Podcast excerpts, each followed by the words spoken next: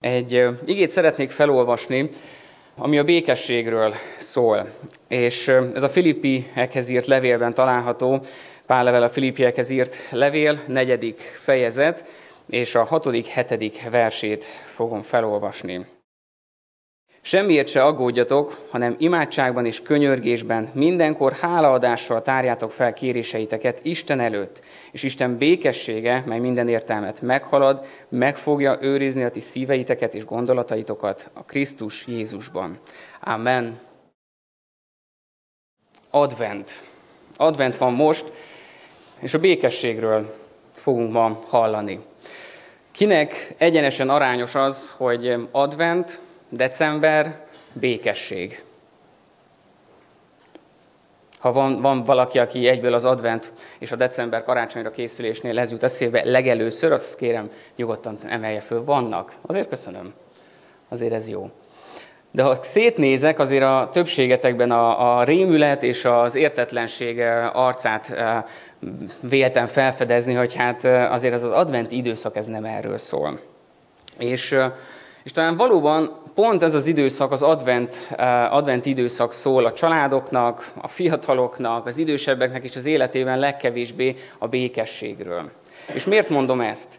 Mert hogyha szétnézünk a mai világban, mennyi, mennyi minden próbál bennünket szétzilálni. A sátánnak nagyon-nagyon jó eszközei vannak arra, hogy a mi békességünket azt ellopja. És tudjátok, mi a legnagyobb ellensége a békességnek? Az az aggodalom. Amikor aggódunk, akkor nem tudunk békességben lenni. Nem tudom, valaki szokott-e köztetek úgy aggódni, hogy jaj, Istenem, mi lesz velem holnap, de közben nagyon békessége van. Vagy jaj, Istenem, hogy lesz nekem a következő időszak? Jaj, most megyek majd kórházba, jaj, mi lesz velem, jaj, mi lesz velem, de közben békességünk van. Ez a kettő valahogy nem fér meg együtt az emberben. De amikor békesség van bennünk, akkor a békesség és az Istennek a szeretete, az kiízi belőlünk a félelmet és az aggodalmat. És milyen jó az, hogy ez az ige is azt mondja, hogy semmiért se aggódjatok.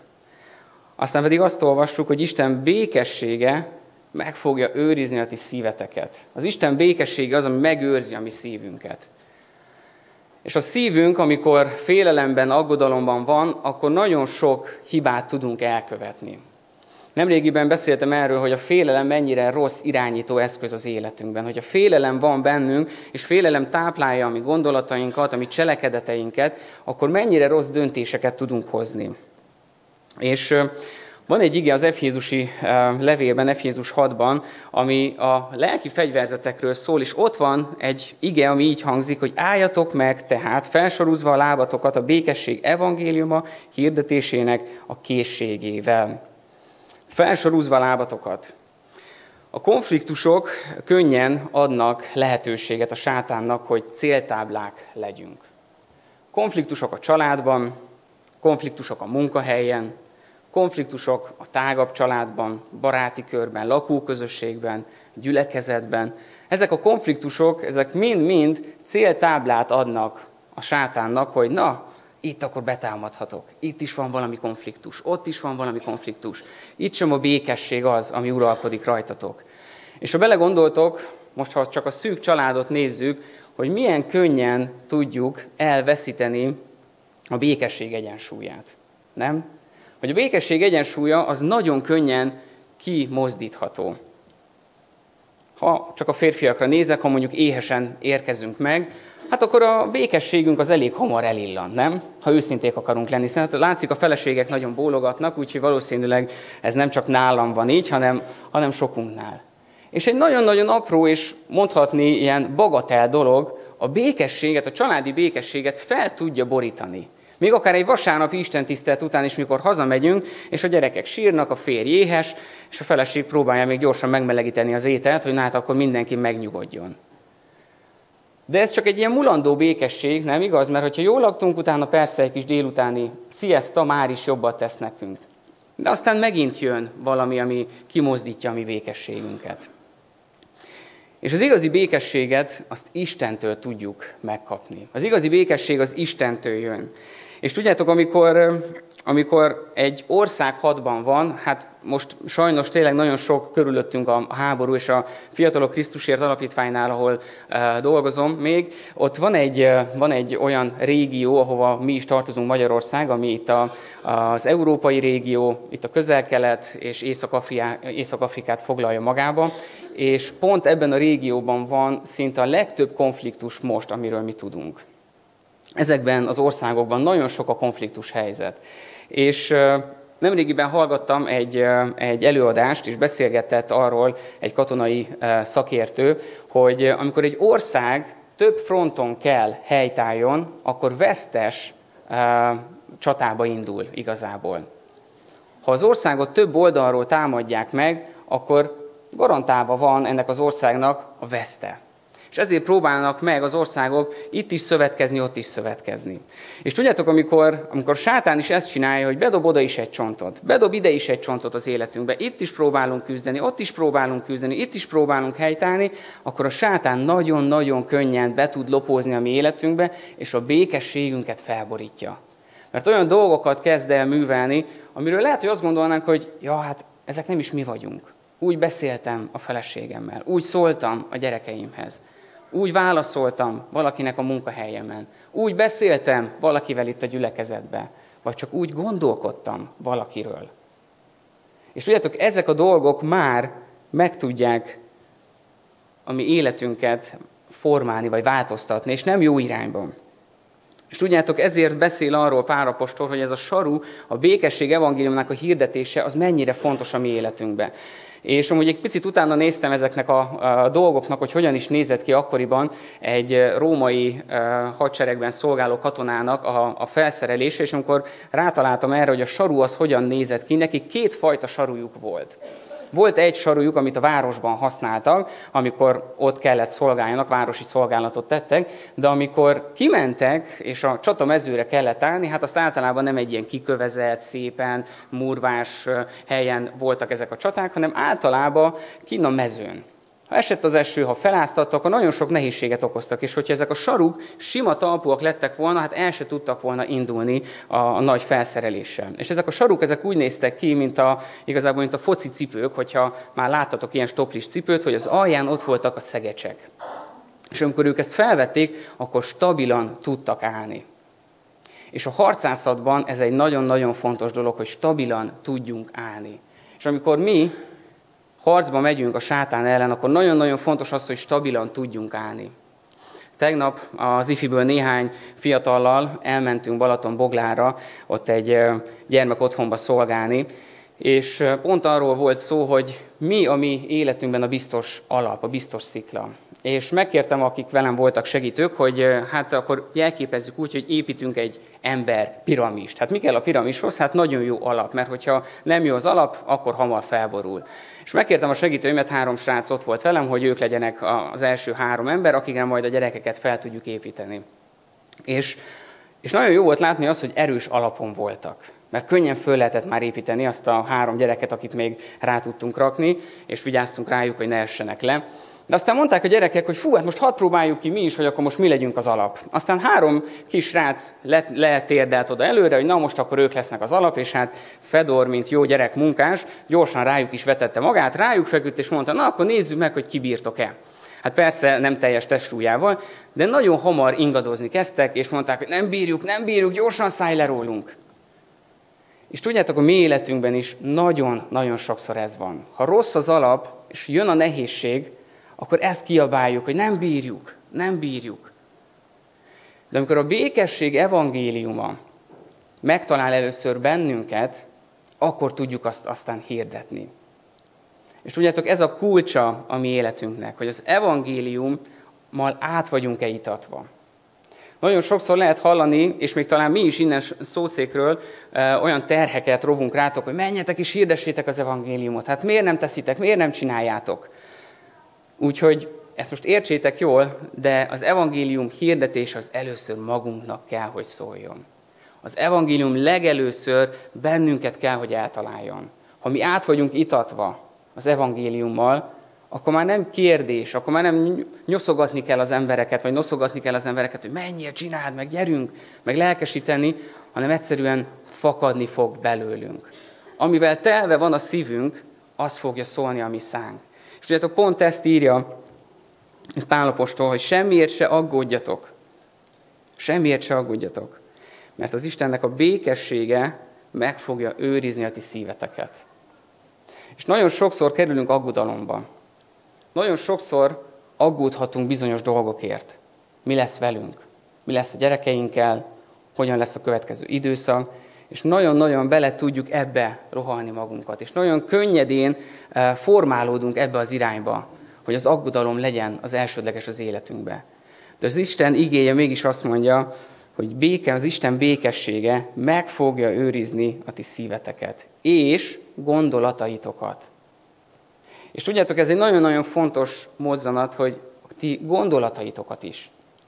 A sátán nagyon sokszor azt gondoljuk, hogy már csak a cselekedeteinken keresztül tud rombolni az életünkbe. De nem.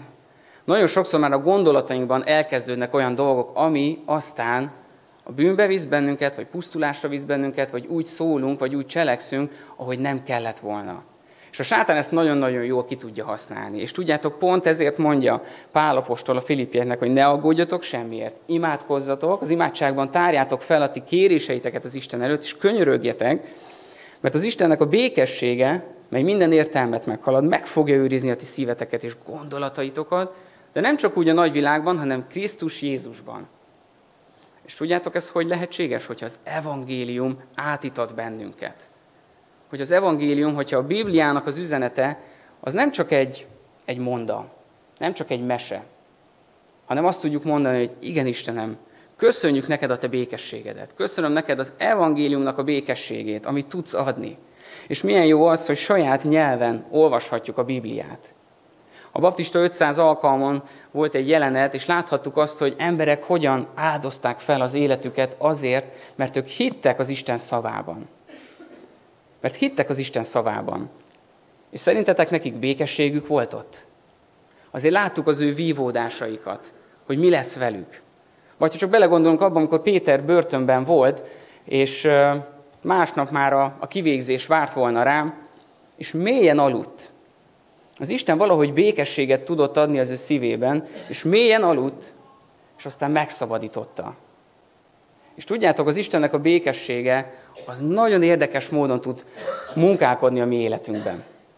Nem tudom, ti hogy vagytok, mennyire vagytok ilyen tűzről pattantak. Én nem tartom magam nagyon békétlen embernek, de két dolog nagyon ki tud hozni engem a sodromból, hát akkor se kiabálok, vagy nem kell nagyon durva dolgokra gondolni, de ami, ami nagyon ki tud engem mozdítani a békességemből, az az autóvezetés közben történő események. Ha valaki nem úgy vezet, ahogy én azt elvárnám, vagy ahogy a Kressz meg, megszabja, akkor, akkor ennek is tegnap Fedor példája lehetett, láthatta, hogy valaki az autópályán például jobbról előzött bennünket, és hogy na mindegy is, ne is, ne is menjünk ebbe bele. De hogy vannak dolgok, amik, amik tényleg úgy nagyon fel tudnak dühíteni engem. És tudjátok, amikor arról beszélünk, hogy az Isten békességre lakja a mi szívünket és a mi gondolatainkat, Hát ott is sok minden végigfutott az agyamba, hogy miket lehetett volna csinálni. Most elnézést, hogy ilyen személyessé teszem ezt a példát, beengedlek a kis életembe eh, benneteket, de, de tényleg nagyon sok minden végigforgott az anyamba, hogy miket lehetne csinálni. Utána menni, levillogni, elé állni, ráhúzni, mutogatni neki. Ezzel elértünk volna valamit? Nem. Neki is valószínűleg fölviszem a, a pulzusát, vagy a vérnyomását, az enyémet is, és pont egy szolgálatból jöttünk vissza. És a sátán pontosan tudta, hogy fú, hát akkor dobjunk már be ide egy csontot. Dobjunk már be ide egy csontot. De hálát adok az Istennek, hogy megőrizte az én szívemet, és békességet tudott adni. És nagyon áldott napunk lehetett. És tudjátok, a békességnek van három dimenziója. Három dimenzió a békességnek. A békesség önmagaddal, békesség másokkal, és békesség az Istennel. Békesség önmagaddal. A mai világban nagyon sokszor halljuk ezt, hogy menj le alfába, próbálj meg nagyon sok mindent csinálni az életedben, amivel meg tudsz nyugodni. De tudjátok, ezek a dolgok sem tudnak igazi békességet hozni a mi szívünkbe és az életünkben. Aztán nagyon sokszor, amit beszéltünk is, hogy nagyon sok konfliktus adódik ember és ember között. És már nincs békességed másokkal. Aztán az Istennel való békesség, azt, lehet, hogy azt mondjuk, hogy na hát ezzel rendben vagyunk. Hívő keresztények vagyunk, azért az Istennel való békességem, na az talán rendben van. De ha megfordítjuk a sorrendet, akkor mennyire más? Békesség Istennel, békesség önmagaddal, békesség másokkal. És hogy ezeket meg tudjuk tenni, hogy az Istennel békességünk van, az hogy lehetséges? Az evangélium ereje által.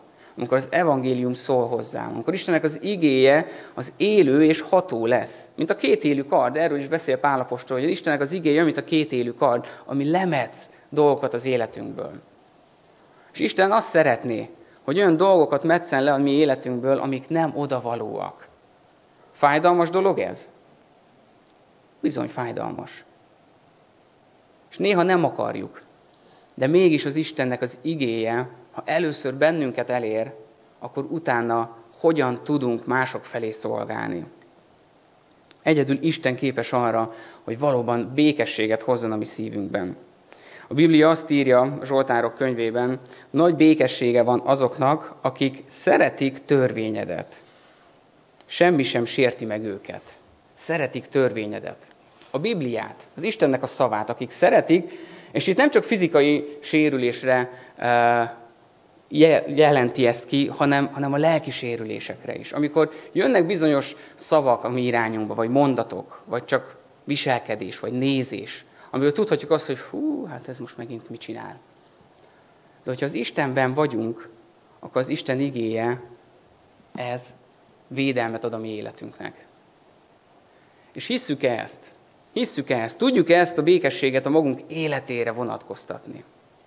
Én nagyon-nagyon fontosnak tartom azt, hogy hívő embernek milyen a beszéde és milyen a maga viselete. Nagyon sokszor láthatjuk azt, hogy a viselkedésünk és a beszédünk az hogyan hat ki az életünkre.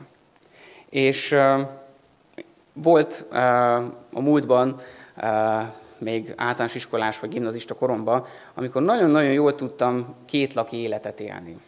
Ez nem azt jelenti, hogy az iskolában is és otthon is, mert hát ez, ez, ez, ez érthető volt, de az, hogy hogyan éltem a gyülekezetben, és hogyan szolgáltam sokszor a gyülekezetben, már gimnazistaként.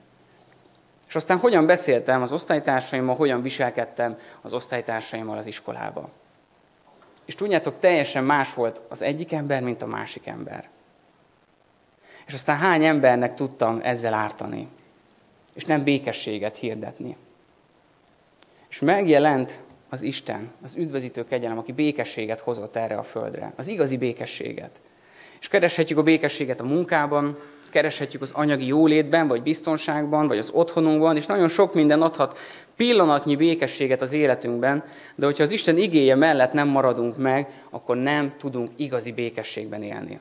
És hogy miért szerettem volna ma erről beszélni nektek? Azért, mert az advent talán pont az az időszak az életünkben, amikor a legtöbb ütközést hozza ki az emberekből. Mert az otthonainkban, a családunkban, a munkahelyünkön, és nagyon sok helyen ütközünk meg. És aztán már a békességünket felborítja a sátán. És persze lehet aztán a sátánra fogni, jaj, mert a sátán ezt csinálja, de sajnos mi vagyunk azok, akik ebben eszközök tudunk lenni. Viszont, hogyha az Isten igéje átjár bennünket és betölt bennünket, akkor ezt le tudjuk minimalizálni. Nem mondom, hogy könnyű lesz ez a következő időszak. Ha megnézitek ti is valószínűleg a naptárjaitokat, hát nem sok szabad percetek van már. Ha egy találkozót szeretnénk összehozni, nem biztos, hogy már ebben az évben könnyedén össze tudnánk hozni. Majd jövőre. Ott is lehet, hogy inkább csak márciusban, mert addig kipihenem magam. Nem? És kérlek benneteket, hogy ahogy itt írja az Istennek az igéje, hogy semmiért se aggódjatok. Ha félelem vagy aggodalom van most a te szívedben, bármi miatt, azt engedd el és adod az Istennek. Engedd, hogy az Isten elvigye a félelmet és aggodalmat a te életedből. Könnyű? Hát mondani könnyű. Elengedni, az már nem annyira könnyű. De az Isten azt várja most is tőlünk, és ő a szeretetével átölel bennünket, hogy add oda a te félelmedet, a te aggodalmadat. Mitől félsz most a leginkább? Mi az, ami a leginkább aggodalomra ad okot a te életedbe? Add oda az Istennek. Nem kell, nem kell szorítanod, hanem enged, hogy mint a homok így kifusson a kezed közül, és engedd át neki. Könnyű mondani, de nehéz cselekedni. És erre hívlak benneteket, hogy tudjátok elengedni az aggodalmaitokat. És tudjátok miért? Mert az Isten békessége az, ami megőrzi a ti szíveteket. Amikor a tanítványok a hánykolódó tengeren voltak, vagy tavon, akkor az Úr Jézus ezt mondja nektek, nekik, hogy békesség nektek, ne féljetek.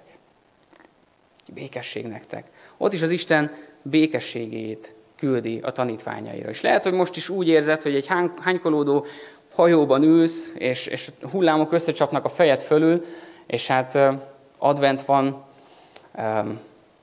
várakozás, karácsony, és már nagyon várjuk, és nagyon-nagyon erre készülünk, és közben lehet, hogy pont ezekben a napokban tudunk úgy viselkedni, vagy cselekedni, hogy az Istennek az üzenetét úgy háttérbe szorítjuk, és majd szenteste, amikor majd leülünk a fa környé, köré, akkor megint milyen jó lesz. És békességbe leülünk a családdal. De mi volt előtte? Ne úgy menjünk neki ennek az ünnepnek, hogy, hogy szétesve, hanem figyeljünk oda az Istenre. És ez a legfontosabb. Akkor tudjuk megőrizni a mi családunkban a békességet, a mi szívünkben a békességet, hogyha az Istennel békességünk van. És én erre hívlak ma benneteket, hogy ezt a békességet engedjétek a szívetekbe, és engedjétek, hogy az Isten szóljon hozzátok, hogy formáljon benneteket, és az ő akarata szerint tudjunk élni és cselekedni ezen a mai napon is, és a következő időszakban is. Hogy ez az advent, ez arról szóljon, hogy micsoda békességet kaptunk az Istentől. És most így, hogy kinézek, egy biztos pont mindig van kint, tivadar akik szoktatok vele kezet fogni és elköszönni tőle, tudjátok, hogy ő hogy szokott köszönni, igaz? Sok békességet. Sok békességet. Hát engedjétek meg, hogy most én is így zárjam le ezt a mai igehirdetést, hogy sok békességet nektek. De nem emberi békességet és bölcsességet, hanem az Isten békessége legyen rajtatok. És az nyugodjon meg a ti szívetekben. És ez hozza föl aztán belőletek azt a sok jót, amit az Isten elhelyezett a ti életetekben. Úgyhogy ezt kívánom nektek, hogy így legyetek áldottak, és legyetek áldássá.